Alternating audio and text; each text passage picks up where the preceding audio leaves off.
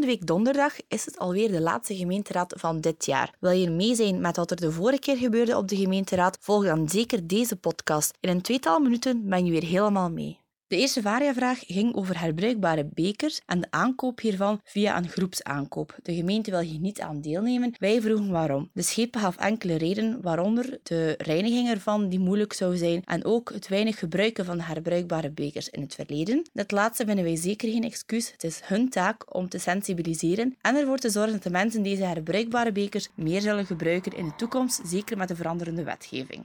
Onze laatste variavraag ging over de minder mobiele centrale en het feit dat wanneer je onder de 70 jaar bent, je een doktersattest moet kunnen voorleggen dat je niet voor je eigen vervoer kunt instaan en dus minder mobiel bent. Dit is volgens ons pijnlijk, want als je onder de 70 jaar bent en minder mobiel bent, bestaat de kans dat je reeds een erkenning hebt van het Vlaams Agentschap voor personen met een handicap. Die erkenning krijg je enkel maar als je al een hele reeks dokters gepasseerd bent en eigenlijk verschillende doktersattesten hebt. Die mensen moeten dus nogmaals gaan bewijzen dat ze een beperking hebben, wat pijnlijk is omdat je reeds een heel proces doorlopen hebt op voorhand voor je erkenning te krijgen. We vroegen dus dat het reglement kon aangepast worden zodanig dat deze mensen het gemakkelijker hebben om gebruik te maken van de minder mobiele centrale. De schepen kon ons enigszins daarin volgen, maar toch vond hij het moeilijk om het reglement zomaar aan te passen. Hij was ermee bezig en zou ons verder op de hoogte houden. We zijn dus zeker benieuwd.